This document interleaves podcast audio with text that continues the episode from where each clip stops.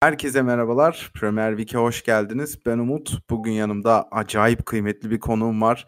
Sevgili Profields'ın editörü Oğuzhan Aygün bizimle. Oğuzhan hoş geldin. Hoş bulduk Umut. Nasılsın? Keyfin yerindedir umuyorum ki. Ya aslında keyfim yerinde de bugün benim için seçtiğin konular biraz keyfimi kaçırdı diyebilirim. E, ligin karanlık yüzüne gireceğiz galiba bugün. Evet bugün gündemimizde küme düşme hattı var ama ben konumuza geçmeden önce biraz Profields'ı anlatmak istiyorum dinleyenlerimize. Şöyle özetleyebilirim herhalde sizin kanalı veya sayfayı. E, Premier Lig ile ilgili en fazla haber veren Türkçe kanal olsanız gerek ve yani skalayı çok geniş düşünün. Yani James Garner'ın 20'lik dişinin ağrımasından Roy Hudson'ın torununun okul taksidinin ödenmemesine kadar birçok haberi sizden okuyabiliyoruz ve herhalde bildirimlerini açtığım tek Türkçe içerik olabilir Profields. Yani bununla ilgili bir öncelikli bir övgü vererek e, başlamak istedim. Ya Premier Week toplantılarında genellikle biz konuşuruz işte takipçi sayısını nasıl arttırabiliriz vesaire diye. Ben bunu çok takmadığım için herhangi bir aksiyon almıyorum ama sizin muhabbetiniz kesinlikle geçiyor yani o toplantılarda. Bak Profield sürekli haber veriyor biz de buna yönelmeliyiz falan diye. Herhalde biraz bu konuda sizle rekabet edemeyeceğim için hiçbir topa girmiyorum. Yani o yüzden elinize sağlık gerçekten. Yaptığınız iş çok kıymetli bizim için. Ya ben öncelikle düşünce için teşekkür ederim. Aslında aynı konularda biz de sürekli biliyorsun benim partnerim Okan. Üniversiteden beri birlikteyiz. Bunu yaparken de aklımızdan geçen tek şey şuydu. Dünyanın en çok izlenen futbol organizasyonunun Türkiye'de habercilik anlamında hiçbir karşılığı yok. Yani yayıncı kuruluş da bunu yapmıyor. Ee, internette like ya da takipçi uğruna 2004 yılındaki Henry'nin golü sürekli paylaşıldığı için biz biraz daha farklı içeriklere girmek istedik. E, sonuna kadar haberciliği verip bir noktada da podcastlerle ya da kişisel paylaşımlarımızla kendi yorumlarımızı da katıyoruz. Yolumuza devam ediyoruz. Yani ben de size özellikle seninle birlikte tanışmamız uzun bir zaman aldı. Yani çok geç kaldık. Fakat arkadaşlarım aracıyla yakından takip ediyorum. Zaten takip ettiğim ender sayfalardan birisin. Evet karşılıklı iyi niyetlerden sonra biraz tadımızı kaçıralım istersen.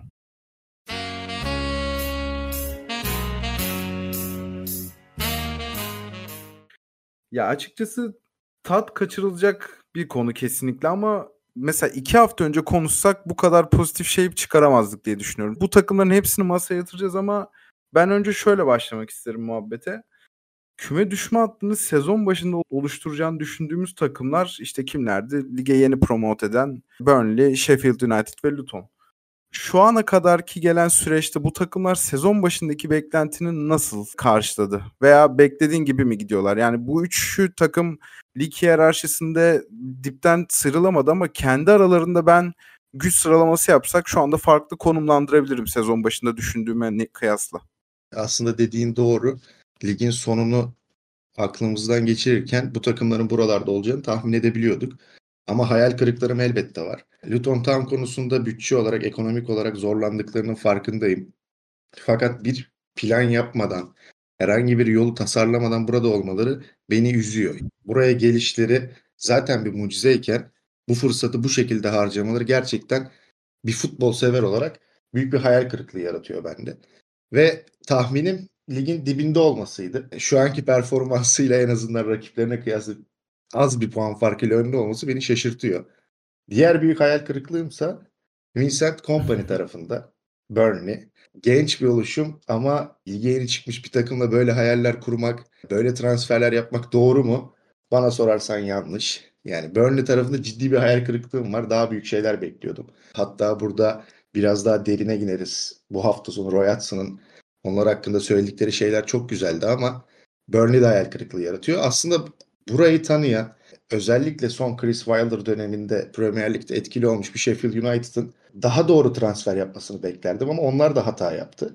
Genel olarak 3 takımında buraya Bournemouth'u da katabilirim. Her ne kadar geçen sezon Premier Lig'de olsalar bile yanlış planlarla yola çıkmaları bence sezonun daha da ilerleyen kısımlarında daha büyük farklara, daha büyük cezalara neden olacak gibi geliyor bana. Hı hı. Ya Bournemouth'u farklı bir kategoride yine programın konularından biri yapacağım ama bence 3 takımı özel kılan hikaye ligin rekabetçiliğine biraz zarar vermeleri. Çünkü tabii ki yani Premier Lig'de orta sıra takımlarının 6 puan yazacağı takımlar, rakipler her zaman oldu. Yani hatta bunun sayısı bazı sezonlarda 2'ye çıktı ama bu sayının 3'e çıkması ligin dengesini epey sarsıyor ve ben birçok kötü takımda şu anda şunun rahatlığını sezebiliyorum. Yani zaten bu üçü düşecek. En fazla Bournemouth düşer. Zaten puan durumu da biraz o konuda şekillenmeye başladı. Ama ben sezon başında Luton'u vesaire hani bir preview serisinde okurken bir yerden dinlerken falan Derby County'nin o müthiş 2007-2008 sezonundaki rekorunu kırabilecek bir aday olarak görüyordum açıkçası. 3 başkan 2 menajer tüketen Derby County paçayı kurtardı yani rekoru muhafaza etmiş gibi gözüküyor. Gidişat o yönde. Derby County'yi çok fazla mentionladım. İlk 11 maçlar kıyaslandığında Derby County 2007 Derby County o fikstürü 6 puanla geçmiş. Şu anda 2 tane 6 puanlı takım var. 2 tane de 4 puanlı takım var. Aslında Derby County'nin burada bir avantajı var diğerlerine göre ama Premier Lig'in rekabetçiliğine ve sev- genel olarak seviyesine bakarsan şu anda Luton'da Sheffield'da herhalde 2007 sezonunda 10 puan barajına yaklaşırdı diye gözlemliyorum ben. Küme düşme hattını ve ligin en kötü takımları konuşurken Derby County'nin o efsane kadrosuna değinmeden geçemezdim burayı. Çok özür diliyorum. Ya yine hep haklısın diyorum ama ligin içindeki perde o kadar açık ki daha 5 dakika önce kayda girmeden önce seninle konuştuk. Bir sıra üstü ya iki sıra üstü olan Everton'ın bile futbol anlamında her ne kadar sonuç gelmese bile son zamanlarda iyi bir futbol oynadığını söyledik. Ve üstünde Fulham'lar, işte Wolverhampton'lar gibi takımlar biraz daha oturmuş Premier Lig kültürünü benimsemiş takımlar. Ama yani işin özetine şuraya geliyorum ben derbiyle kıyasladığımız zaman o dönemin koşulları ligin içindeki rekabet düzeyi daha avantajlı olabilir. Ama şu anki ligin dibindeki takımların da bu VAR teknolojisi, değişen futbol sayesinde ben bu 11 puanı kesin geçeceklerini düşünüyorum. Geçemezler zaten bu takımlar lav edilmeli. E, çünkü büyük bir utanç nedeni benim için. Ve işin diğer tarafına baktığımda kulüp yapılanması, takım yapılanması, işte menajer tercihleri. Mesela Luton Town'a bakıyorum menajer tercihi Premier Lig hakkında ne kadar tecrübeli? Ya da şunu söyleyebilirim. Townsend transferinden sonra o zaten sakatlandığı için burada sakatlanmasaydı buraya gelemezdi deyip Townsend'in evime yakın bir kulüp onları zaten takip ediyordum. İşte oraya tecrübemi katacağım demesi. Yani kulüp hala Premier Lig'e geldiğinin farkında değil bence. E, bu büyük bir skandal. Hı hı. Ve bunu aslında lige çıkan takımları ben 3 farklı boyutta e, inceliyorum. Birincisi lige gelip kendini lige adapte eden takımlar. İkincisi lige gelip lige adapte olmaya çalışmak için ligi bilen oyuncuları transfer eden takımlar. Üçüncüsü de Luton'un şu an yaptığı gibi lige gelip hiçbir şey yapmadan lige veda eden takımlar. Ya bu beni üzüyor. Diğer tarafta da söylediğim gibi yani o kültür, o ruh, o kadro yapılanması çok farklı bir boyut. Skala bu kadar büyükken, perde bu kadar açıkken bu üç takımın bu kadar aşağıda kalması gerek kadro kalitesi gerek oyuncu tercihleri ve oynanılan futbol. Geçmişte mesela 2007 yılına gittiğimizde ligin son 5-6 takımın aynı futbol oynadığını göremezdik belki. Ama şu an her takım şunu yapıyor. Merkezi dolduralım, savunmayı çoğaltalım. Hızlı kanatlarımızla belki kontra buluruz ve skor avantajı alırız. Fakat neden söylediğin doğru? O kadar güçlü kaldı ki diğer rakipler o fırsatı size vermiyor. Yani bu fırsatı bulamadığınız zaman da sadece kapanan ve kalenizde şut gören bir takım haline dönüşüyorsunuz. Ya bu doğrultuda sırayla gitmemi isterse yani bir takım ismi söyle buna odaklanalım dersen daha delice şeyler söyleyebilirim. Ya öyle yapalım. Ben birkaç şey eklemek isterim. Mesela Luton konusunda hiçbir şey yapmadığından e, şikayetçi oldun sen. Bence burada Luton şeyi kesinlikle düşünüyor olabilir ve düşünüyordur da. Hani biz tekrar Championship'e dönersek maaş bütçemiz çok fazla açılmasın. Çünkü kaynakları oldukça belirli bir kulüp. Yani programın girişinde söyledin sen. Hani buraya çıkmaları bir, bir büyük bir mucizeydi. Yani geçen sezon Championship'in maaş bütçesi sıralamasında 20'den sonra geliyordu. Yani önünde 20 tane daha takım vardı Luton Town'un. Yani gerçekten bir peri masalı yaşandı orada. Hocalarına değindim. Ben bu takımların aksine 3 menajerinde gayet kaliteli olduğuna ikna olmuş vaziyetteyim. Geçen sezon tabii bagajlarından dolayı söylüyorum bunu da. Bu sezonki performanslarından değil. Mesela Paul Heckingbottom çok yakından takip ettiğim bir menajer değildi ama hakkında çok fazla olumlu şey okudum. Rob Edwards'a daha hakimdim. Vincent Kompany de zaten Championship'in sefiri olarak geldi. Şu anda Enzo Maresca'nın yaptığı şeyi geçen sezon o yaptı ve 101 puanla Burnley'i lige taşıdı. Dolayısıyla Luton özelinde böyle bir şey var. Onlar fazla düşünüyor olabilirler ama ben mesela Sheffield United'a daha fazla kızgınım. Çünkü Yani Sander Berge'yi en yüksek popülaritesi olan oyuncunu Burnley'e vermek çok anlamsız bir hareketti ve Cameron Archer dışında şu anda Premier Lig'de kontrat alabilecek olan herhangi bir futbolcusu da gözükmüyor. Kesinlikle, kesinlikle öyle. Hatta Sander Berge'yi biliyorsun iki yıl önce, iki buçuk yıl önce hatta bir buçuk yıl önce Big Six dediğimiz takımlar takip ediyordu ki Liverpool'la çok anılıyordu. Hı hı. Ve bunu ligin düşme potasındaki rakibine bıraktın. Ve yerini yıllardır hiç beğenmediğim, hiçbir zaman yeterli görmüyorum Tom Davis gibi transferleri doldurmaya çalışıyorsun. Paul Heckingbottom daha iki gün önce sanırım içeriğini girdim. Geleceği hakkında çıkan haberlerden sıkıldığını söylüyordu. Çünkü kulüp olarak bir projeye inandıklarını, bir şey başarmak istediklerini söylüyorlardı. Fakat Sheffield United hakkında e, senin dediğin gibi beklentimiz neden yüksekti? Sheffield United çok değil. Pandemi dönemine döndüğümüzde Chris Wilder yönetiminde kendi sistemiyle yani lige adapte olurken kendi sistemi de lige kazandıran yani o stoperlerin hücuma katılışı, kalabalık bir stoper çizgisiyle oynayıp onları ileriye atması yani bir Sheffield United futbol kültürü diye bir şey vardı o dönem. Hakikaten ya acayip unik bir takımdı. Yani hiç görmediğimiz bir şey yapıyordu aslında Chris Wilder o Sheffield United'da ve şu anda ismi anılan menajerlerden biri zaten. Bir yandan hani Sheffield United tekrar o masala geri döner mi ama o hikaye çoktan bitmişti. Ee, şimdi Paul Heckingbottom'a kızdığım nokta şu. Siz bu Sheffield United'ı geçmişte de buralarda neler yapabildiğini, düşmeyi bilen, çıkmayı bilen bir takım olduğunu farkındasınız.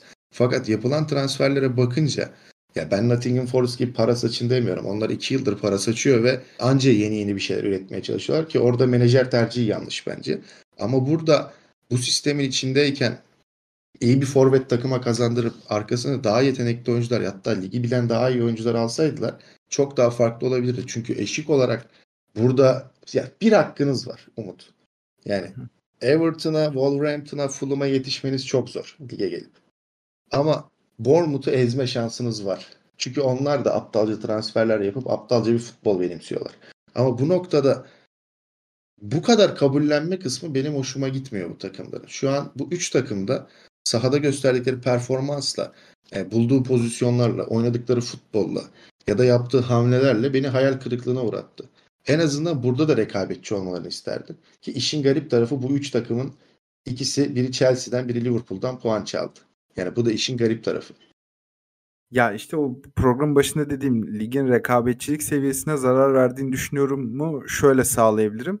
Hani Bournemouth bu takımlara en yakın ekip olarak gözüküyor. O da yani sezon başında Iraola macerasına çıkmasaydı Gary O'Neill'la zaten buraları çoktan e, bitirmiş bir takım olacaktı. Yani kesinlikle ilk onu zorlayan 15-10 skalası arasında rahat bir konumda olacak bir takım olurdu ama onların yaptığı hata aslında birazcık buraları kızıştırdı. Yoksa bu üçü net bir şekilde ayrılacaktı diğerlerinden.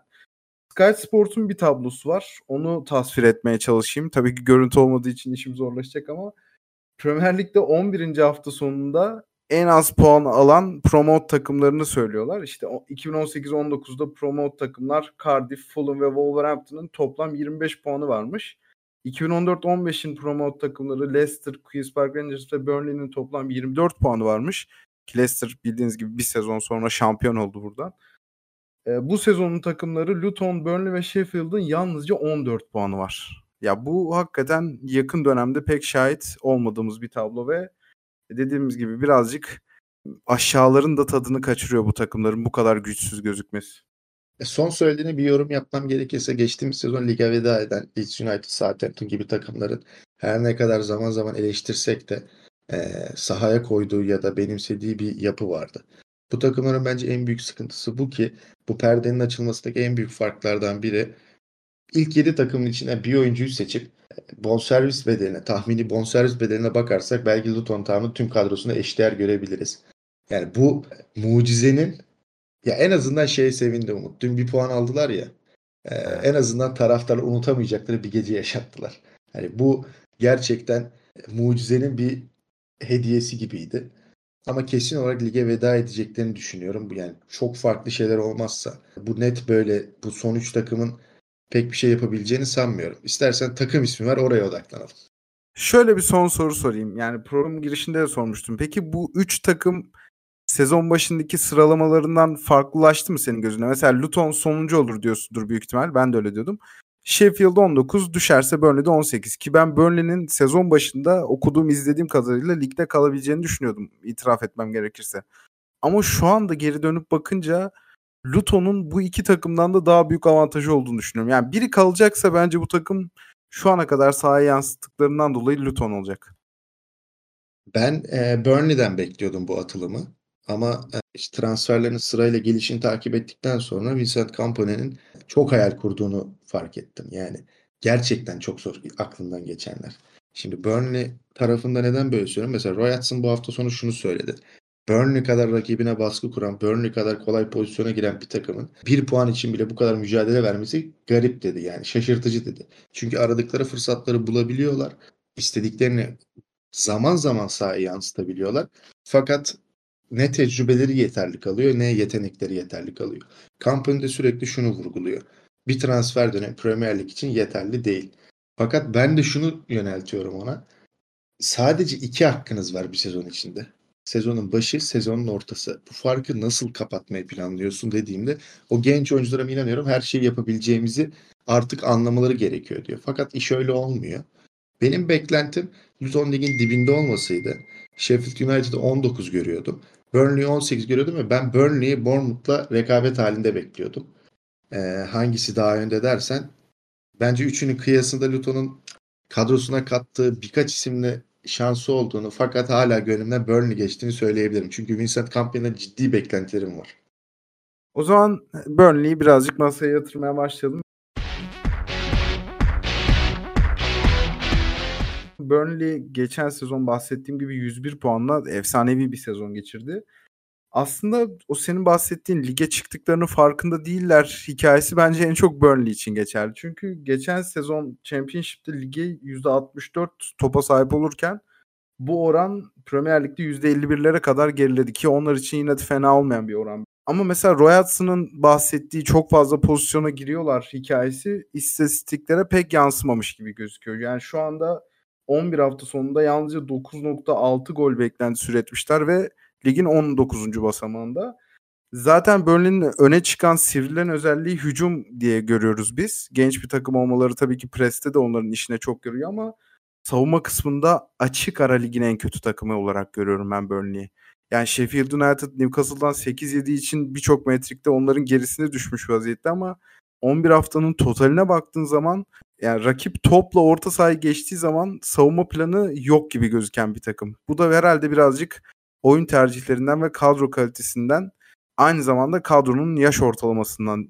Burnley'nin bugün ben de biraz hazırlık yaptım. Yaş ortalamasına baktım. Aslında çok büyük bir farklar olmadığını gördüm. 25 sabit galiba Burnley. Diğerleri 25.9, 26.4 falan diye geçiyor. Fakat Burnley'nin ligde e, bir şeyler beklediği oyuncular. Jay Rodriguez. Ya Jay Rodriguez e, 11 başladı yani, bu hafta ileri uçta. Evet, evet. Yani bu bu kocaman bir hata. Ve Burnley bu yaz ciddi paralar harcadı Umut. Yani az para harcamadı. Ciddi paralar harcadı. E ve daha iyi bir plan çıkartılabilirdi. Orta sahaya yaptığı takviyeler gayet mantıklıydı. Hem genç hem oyun sistemine uygun hem de e, uzun vadedeki planına uygundu. Ama hücuma Nathan Redmond takviyesi bence bir saçmalıktı. Jay Rodriguez'le maça çıkabilmek bir saçmalık. Savunma hattında dediğin hani kaleye çok iyi bir hamle yapıyorsun. Ciddi para harcıyorsun. Fakat savunmada hala bu yeni yapılanmana o hayallerinin peşinden giden oyunculara güveniyorsun. Fakat bu lige alışmak bir oyuncu grubunun bu lige alışması, direkt sahaya çıkması her ne kadar Championship'te fark yaratsa da burada seviye çok üstün. Zaten hep bunu vurguluyoruz. Fakat Burnley'de dikkat çeken bir unsur var. Savunma anlamında kötüler. Hücumda bence tamamen son paslardaki ve e, bireysel yetenekleri ön plan çıkartmak isteyen oyuncu grubunun hatalı tercihleriyle yok olan bir takım haline dönüştü. Bournemouth ve Burnley 4-2-3-1 sisteme daha yatkın oynarken Luton ve Sheffield United ise üçlü ya da beşli savunmayı tercih ediyor. Yani Burnley biraz da cesur sahada kalmak istiyor. Fakat bunun cezasını e, o fark kalitesi kesiyor.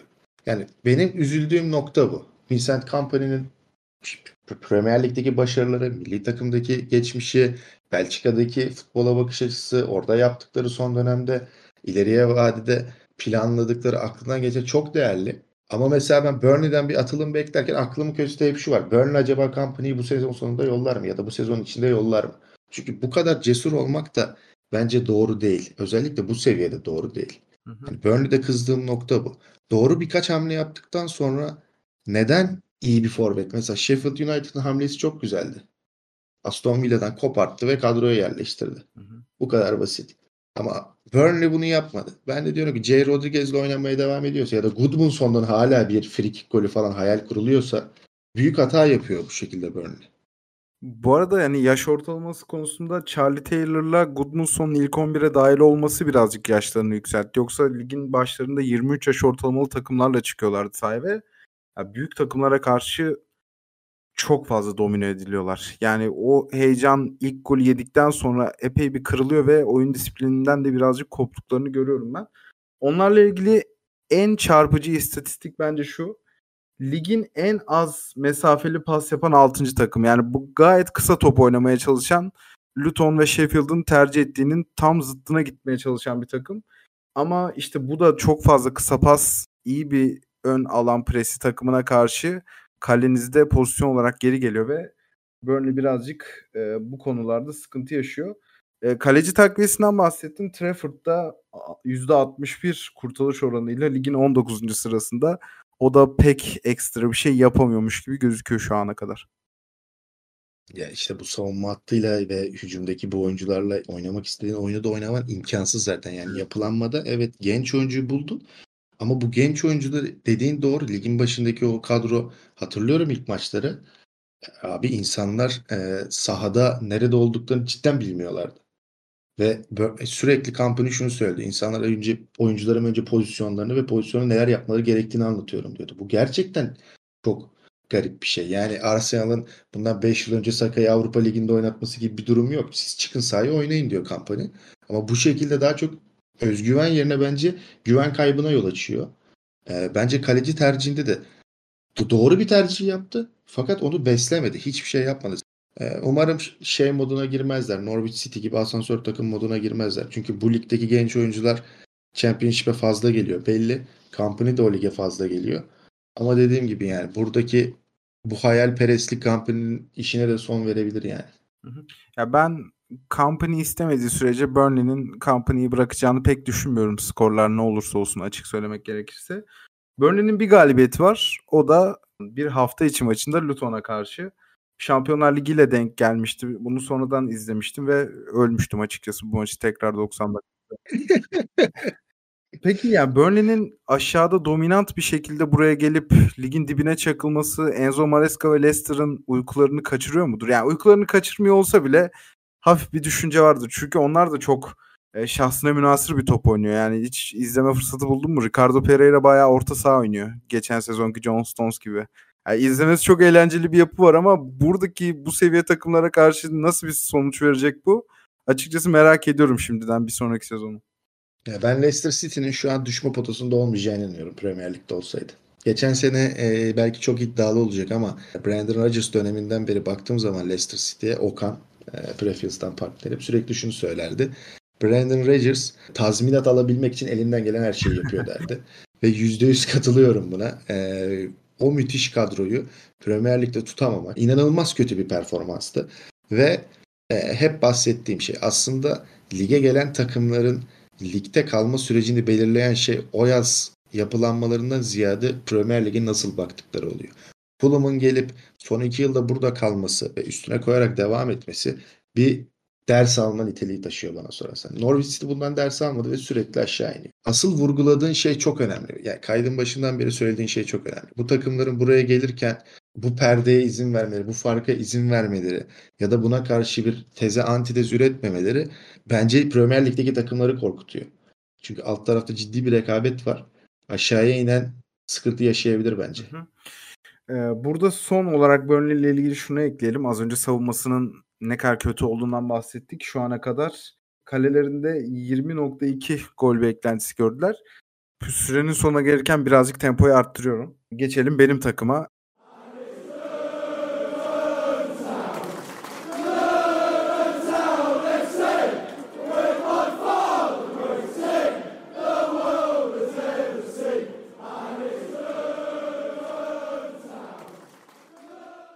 Luton Town şu anda ligin en fazla uzun top deneyen takımı ve ortalama pas mesafeleri 45 yard. Yani gerçekten 1985'in bağrından kopan bir İngiliz takımı var karşımızda. Yani karakteristik bir takım. Bence Burnley'e göre daha akılcı bir futbol oynuyorlar Premier Lig'de. Onların sistemi çok belli. Herkes geride uzun vuruyoruz ileriye doğru. Bence de yani Luton seviyesinde bir takımın yapması gereken şey bundan fazla değil. Ama mesela şöyle bir quiz oynayalım hadi senle. Luton şu ana kadar 12 XG üretmişlikte ve Luton'dan daha az gol beklentisi üreten 6 tane takım var ligde. Hadi Sheffield'la Burnley kolay lokmalar, kolay cevaplar. Geri kalan takımlar hakkında bir tahmin yapabilir misin? Düşüneyim. Ee, bu seneyi düşüneyim. Everton'ın sezonu başındaki haliyle sondaki hal çok farklı. Ee, Nottingham Forest diyorum bir. Bir de birsin abi şu anda. Şöyle abi daha fazla acı çekmeyeyim karşılıklı. Wolverhampton ve Everton buradan nasıl olduysa kurtulmuş ama Bournemouth, Fulham ve Crystal Palace. Yani Crystal Palace beni acayip şaşırttı burada. Luton'dan daha az gol beklentisi üreten 6 takım bunlar. Ee, yani aslında Luton çok çok daha farklı bir noktada olabilirdi şu ana kadar. Onu biraz kanıtlıyor bence bu istatistik. Ya Crystal ben çok şaşırdım. Gerçekten çok şaşırdım ama orada da biliyorsun ee, Eduard'dan bile yeteri kadar verim alamıyorlar. Çünkü oyun sistemleri aslında güvenilir yapıyor Roy Hodgson. Ee, kaybetmekten yani kazanmaktan ziyade kaybetmemeyi daha çok düşünüp sahaya çıkıyor. Belki onları ligde uzun vadede tutan şey de budur. Üreticilik kısmında da şunu söylemem gerekiyor. Luton Town'un 1-1 kaldığı maçtan sonra Jurgen Klopp açık ve net şekilde bizim sayemizde 1-1 kalındı dedi. Ee, ve geçmiş maçlarına baktı da Luton can çekişerek izlediğim maçlarına bunu dikine futbol oynamayı yani uzun top atmayı neden menajerler daha çok tercih etmeye başladı. Daha doğrusu güçsüz takımlar diyelim. Çünkü ligde baskı yapmayan kaç tane takım var Umut? Yani çok fazla değil tabii. Hele o bahsettiğimiz yani. az önce Derby County'den dolayı 2007'lere falan gittik. Orayla kıyaslayınca baya fazla takım var pres yapan yani Premier Lig içindeki futbol takımları ikiye ayıran, üçe ayıran bazı e, maddeler ortaya çıktı ve pres futbolu, önde baskı futbolu, gole yakın, daha yakın olmak için ikinci toplara ya da kazanılan toplara bakış açısı daha çok değişti futbolda. Bunun sonucu olarak da Luton kendini biliyor, takımı biliyor. Hatta Burnley'i eleştirdiğim noktanın tam tersi. Burnley kendini bilmiyor, hayal kuruyor. Luton biraz daha kendini farkında ve buna göre oynuyor. Bu şişirme tekniği de ileriye gitmek için Mesela şunu söyleyebilirim. Nottingham Forest'taki Elanga Luton'da olsaydı belki daha farklı olabilir Luton'un hayatı. Bu üç takımın beni delirten şeyi son pas tercihleri, şut bölgeleri e, ve yakaladığı fırsatları harcamaları beni gerçekten delirtiyor. Ben işin garip tarafı insanlar futbola çok gol sever. Ben çok gol sevmem. Ya istediği kadar Luton pozisyona girsin. Bu, bu oyuncu kadrosu zaten hiçbir şey yapamayacağının farkında. Hı hı. Ama en azından dediğim gibi Liverpool maçındaki beraberlik gibi taraftarları mutlu ediyor olabilir bu. Ya bu arada iç sahada bir oyun net bir şekilde belirlediler. Yani iç sahada belli ki Big Six takımları ve kendinden daha yüksek seviyede takımlar ki bu da 19-18 takıma tekabül ediyor bu filtre. İlk 10 dakikada gol yemedikleri ve maçın temposuna alıştıkları sürece çok can sıkmaya potansiyeli olan bir savunma takımı olarak görür. Mesela Tottenham maçı da böyleydi. Tottenham maçı ne olmuştu o maç? Van de, Tottenham 10 kişi kaldı. Bir suma atıldı ve Van de Ven Evet hatırlıyorum. 1-0 bitirdi maçı. Evet evet evet kapanan bir takım. Ama ilk 5 ee, dakikada 2 XG'si vardı Tottenham'ın. Öyle bir saçmalık vardı orada da. Hatırlıyorum. Şu an hatırladım. 1-0 deyince direkt zaten kırmızı kart deyince aklıma geldi. Elimizden kaçırdık ya. yani Tottenham. Sen gizli bir fanı olmuşsun zaten. Mucizeye inanmışsın. Luton bu hafta Manchester United'la oynuyor biliyorsun. Aynen. Favori olarak çıkıyoruz maça. Belki Manchester United hayat veren maç bu olabilir diyebilir miyiz? Yani ben Sheffield United'a karşı izledim abi Manchester United'ı. Yani mübalağa kesinlikle var tabii ki ama böyle yani tırnaklarımı yemem mesela bir Luton taraftarı olsam. Yani e, çok kötü ama dediğim gibi ligin dibinde e, ya şeyi geçen sene çok kızıyordum. E, Everton'ın yaptıklarına, Leeds United'ın yaptıklarına, hoca değişiklik kararlarına, işte e, yeni bir yapılanmaya gitme kararlarına, Southampton'ın iğrenç transferlerine ya da transfer yapma politikasına çok kızıyordum. Ama şu an oradaki rekabeti özlüyorum. İşin özeti bu. Şu an çünkü perde çok açık e, ve beni hiç heyecanlandırmıyor bu üç takım. Maçı izlerken sıkılıyorum. E, ben oyunda aslında galibiyet ya da mağlubiyet değil. Bir sistem görmek istiyorum ve bundan bu yayının başından beri Chris Wilder'ın Sheffield United'ını vurguladım. Ee, işte Bielsa'nın Leeds'i belki oyuncu kadroları daha iyiydi. E, kaliteleri daha yüksekti ama bir sistem görmek istiyorum. Çünkü 2'ye 2 benzer oyun oynuyoruz dipteki 4 takım. Bu da beni yoruyor. Ama mesela şöyle bir farklı bir şey söyleyeceğim burada. Bence ligin son 4 takımının 3'ü bence bir karakteristik oyun oynamaya çalışıyor. Mesela Luton'un oyunu da çok reaktif, çok negatif bir oyun farkındayım ama bir plan dahilinde en azından. Mesela Burnley de bir plan sahaya koymaya çalışıyor, yapamıyor. Bournemouth'a da bir topa sahip olma takımı yolunda ilerliyorlar diyebilirsin. Çok iyi tarafından uyandıysan güne ama mesela Sheffield United bunlar kadar sempatik gelmiyor bana. Luton'dan daha büyük takım olması, Luton'a benzer bir şey oynaması konusunda onları pek kurtarmıyor benim gözümde ve istersen onlara geçelim en son olarak. Ya, progresif pasta yani ileriye doğru 10 yard ve fazlasını kat eden pasta ligin sonuncusular. 254 pas denemesiyle en yakın takım yani ligin 19.sü 286 pas ve progresif top taşımada yani driblingde 86'lar 19. takım 149. Ya bu çok ciddi bir fark ve Sheffield United maçlarını izlerken hakikaten daha çok sıkılıyor olabilirsiniz Luton'a kıyasla. Kesinlikle öyle. Kesinlikle öyle. Ben Paul Heckingbottom'un sezon sonunda görmeyeceğini düşünüyorum. Ee, ben futbol anlamında da çünkü hiçbir şey görmüyorum ve daha şanslı aslında. Bir noktada daha şanslı. Anlattığım gibi az önce. Burayı bilen bir kulüp camiasındasın ve bu şekilde hatalar yapmak, oyun içine dahil olamamak, e, böyle hamleler yapmak gerçekten çok üzücü. E, ve oyuncu kadrosuna baktığımda sırta yüklenen yani Archer ne kadar bunu yapabilir? Yani Aston Villa'da da yeteri kadar süre bulamayan yetenekli futbolcuydu, golcü futbolcuydu. Hücum hattında zaten onu besleyemiyorsun. Artık buradan çıkman için bir umudun var kazanmak. Bunu yapamıyorsan zaten ligin dibine demir atmış bulunuyorsun. Başından sonuna kadar Sheffield United'in yanlış yapılanmaya gittiğini düşünüyorum. Saha içindeki anlattıklarına %100 katılıyorum. İzlerken e, hiçbir şey göremediğimiz, hiçbir şey fark edemediğimiz ya da mesela Luton'un övgüleri kadar bir cümle bile kuramadığımız bir takım. Ya da mesela Paul Heckingbottom bir menajer. Aklında bir fikir vardır. Sahaya yansıtmak istediği bir oyun vardır. Ama sahaya çıktı 3-5-2 diye diziliyor. Genelde 5'e dönüyor savunmada. Fakat oyun içinde o çoğalttığı alanın hiçbir yararı olmuyor. Rakip üstünde hiçbir etkisi olmuyor. Top kazanımında hiçbir etkisi olmuyor. Bahsettiğim gibi dribbling konusunda hiçbir etkisi olmuyor. İşte uzun pas konusunda istediği verimi kanatlarından alamıyor. Ben de diyorum ki bu yapılanmayı neden yapıyorsunuz abi? Buraya gelirken bu yapılanmayı neden yapıyorsunuz? Daha net isimlere git. Daha faydalı olacak isimlere git. Topu tutacak isimlere git. Çünkü açılamıyorsunuz. Burnley'e ne kadar kızıyorsam açıldıkları için. Çünkü bir hayal kuruyorlar. Sheffield United'a da yapması gerekenleri yani Luton örnek olmamalı abi Sheffield United'a ya. Bu beni çok üzüyor yani. Ya Brighton bile ligi ilk çıktığı zaman e, Chris Hutton'la birlikte galiba yanlış hatırlamıyorsam Andy Murray'e uzun top vuran ve onun o, tuttuğu toplarla ileri çıkan bir takımdı. Yani bu, bu hale bir günde gelmediler. Yani herkes bu yollardan geçti lige. Evet kadar. abi. Burnley yıllarca izlemedik mi böyle? Ya da geçmiş Stoke City izlemedik mi?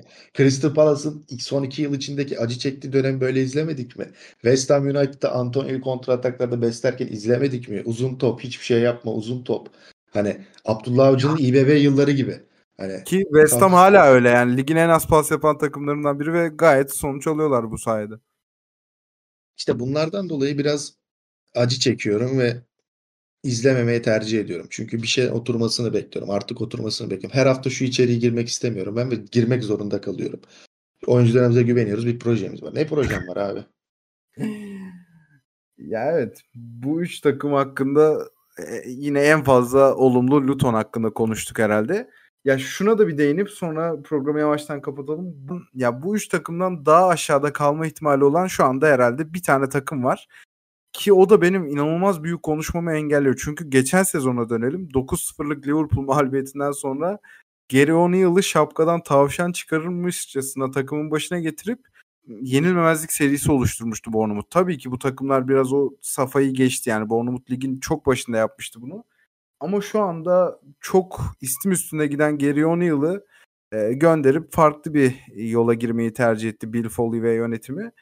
Ve şu anda Iraola ile birlikte aslında oynamak istediği şeyi sahaya pek yansıtamayan ama yine de Sheffield'a kıyasla bir planı olan ve kafası karışık, başarısız bir takım görüyoruz ve tehlike hattında oldukları net bir şekilde söylenebilir. Ya onlar da fazla maceracı davrandı bence bana soracak olursan. Ya yazın çok ilgi çekici bir hamleydi ve bu sezon en merakla beklediğim takımlardan biriydi Bournemouth. Ama hem bu topa sahip olma hocasını takıma getirip transfer bütçesiyle bunu destekleyemediler. Hem de o hoca yeteri kadar e, kolay rakip bulamadı bana soracak olursan bunu denemeye karşı. E, ve onlar da tehlike hattında gidiyorlar. Bence tehlike hattında bizzat içindeler. Ee, yani yapı ya bence bu topa hiç girmemeliydi Bournemouth. Sana çok çok katılıyorum bu anlattıklarında. O değişim rüzgarı geçen sene yakalanan o ivme e, ligden düşecek denirken ligde kalınması. Ben açıkçası geçen sezon lige veda etmelerini bekliyordum. Üstüne bu yaz yapılan hamleler ee, özellikle menajer değişikliğindeki oyun anlayışı. Çünkü bir hücum futbolu oynanmak istiyor belli. Topa da sahip olmak isteniyor. Fakat bunun için e, sadece kanat oyuncularınız iyi olması yeterli olmuyor. E, savunmada da bir e, başarı bekleniyor ki bu takıma rağmen Kelly dünyanın sayılı takımları tarafından takip ediliyor sözleşmesinin sonuna doğru gelirken. Bir yapılanma mevcut ama Bournemouth bence senin dediğin gibi hayal kuruyor. Yani az önce şunu söylerken bundan bahsetmiştim. Burnley ve Bournemouth 4-2-3-1 Sheffield United ve Luton Town 3-5-2 ya da 5-3-2 futbolunu tercih ediyor. Yani biraz kendini tanımak ve oyun içinde kalmak adına bunu yapıyorlar. Üzülüyorum ama bana sorarsan yani senin Lutonluluğuna ikna oldum ben. Desen ki bana Luton mucize yaratsın ama Bournemouth cezalandırılsın, cezalandırılmasını isterim. Çünkü kaynaklarına ve yakaladığı iğme ihanet eden bir takımmış gibi geliyor bana. Saha içinde de böyle gözüküyor. Çok kırılgan bir takım. E, top kontrolünde e, yeteri kadar başarılı olamayan ama kanat futbolcularından ekstra kazançlar bekleyen bir kulüp. Sonlarına doğru benim biraz sinir katsayım arttı bu takımların hataları daha da yakından gördükçe. Seni daha güzel konularda konuşturmak isterdim. Şöyle şıkır şıkır şampiyonluk yarışı olsun, ne bileyim Tottenham olsun vesaire ama birilerinde bunlara el atması lazım ve bugün bana eşlik ettiğin için çok teşekkür ederim abi. Ben teşekkür ederim. Ee, en azından uzun zamandır birbirimizi bilip tanışma evet. fırsatı bulduk. Ee, şimdiden söyleyeyim o zaman e, kendi kayıtlarımızda ya da Previous adı altında e, hiçbir zaman Arsenal formamı giyip bir podcast yapamadım. E, bu sezonun forması da içeride dolapta asılı. Heyecanlıyım. E, umarım bir gün beni güzel bir konuyla Arsenal kazandığı bir seride e, bir taraftar olarak bir futbolu Arsenal içinden böyle yaklaşık 20 yıllık 8 yaşımdan beri bir Arsenal hayranıyım. E, konuşmak Hı, isterim. Bilen sana. bilir ben de Arsenal'a bayılırım. Çok severim. O zaman Premier Lig'de konuklar ve konular konuşulmaya devam edecek. Şimdilik görüşmek dileğiyle. Hoşçakalın. Hoşçakalın.